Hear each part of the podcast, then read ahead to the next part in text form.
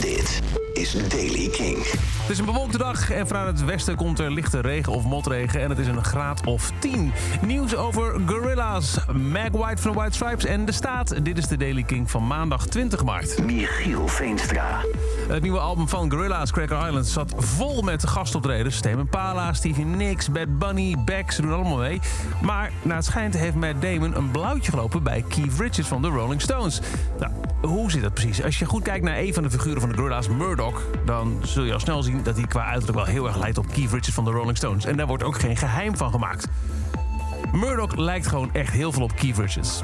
Nou, is nooit echt bekend geworden wat Keith daar zelf van vond. Maar inmiddels weet hij het wel. Want toen hij werd benaderd om mee te doen op een album van Gorilla's voor een gastvokaal... was het antwoord: Gorilla's? Nee, rot op joh. Absoluut niet van gediend. Sorry. Tom Morello, gitarist van Rage Against the Machine, heeft zich aangesloten bij de rij sterren die Meg White verdedigen. En heeft daar een van de beste drummers in de geschiedenis van rock'n'roll genoemd. Komt allemaal doordat een paar dagen geleden een muziekjournalist, Lachlan Markey, haar verschrikkelijk noemde. En suggereerde dat de band beter af was geweest met een redelijke drummer. Nou, heel veel artiesten, uh, Questlove, uh, maar ook uh, Jack White zelf hebben inmiddels al iets geroepen over. joh, niet zeuren, Mac White was fantastisch. En nu dus ook Tom Morello van Rage Against the Machine.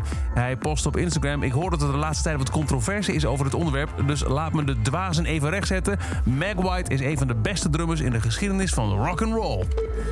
En na anderhalf jaar komt er een apotheose aan het Red, Yellow en Blue project van de staat. De drie kleuren worden dan compleet.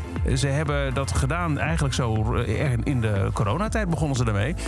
De drie kleuren, waarbij elk liedje past in een kleur en daarmee een gemoedstoestand. Rood voor de duistere kant van de staat, geel staat voor de lichtvoetige dansbare nummers en blauw voor melancholie. Samen vormen ze het volledige spectrum van wat de staat op dit moment omhelst. En nu komen er dus ook drie albums je kunt ze vanaf nu pre-orderen op uh, CD of uh, een prachtige vinylbox Red, Yellow en Blue. En daarmee komt er voorlopig een einde aan het Red, Bla Yellow en Blue project van de staat. Dat is over deze editie van The Daily Kink. Elke dag een paar minuten bij met het laatste muzieknieuws en nieuwe releases. Niks missen? Abonneer je dan op The Daily Kink in de Kink-app. Dan krijg je bij het verschijnen van een nieuwe editie een melding op je telefoon. En voor meer nieuwe muziek en muzieknieuws luister je vanavond vanaf 7 uur naar Kink in Touch. Elke dag het laatste muzieknieuws en de belangrijkste releases in The Daily Kink. Check hem op kink.nl of vraag om Daily Kink aan je smart speaker.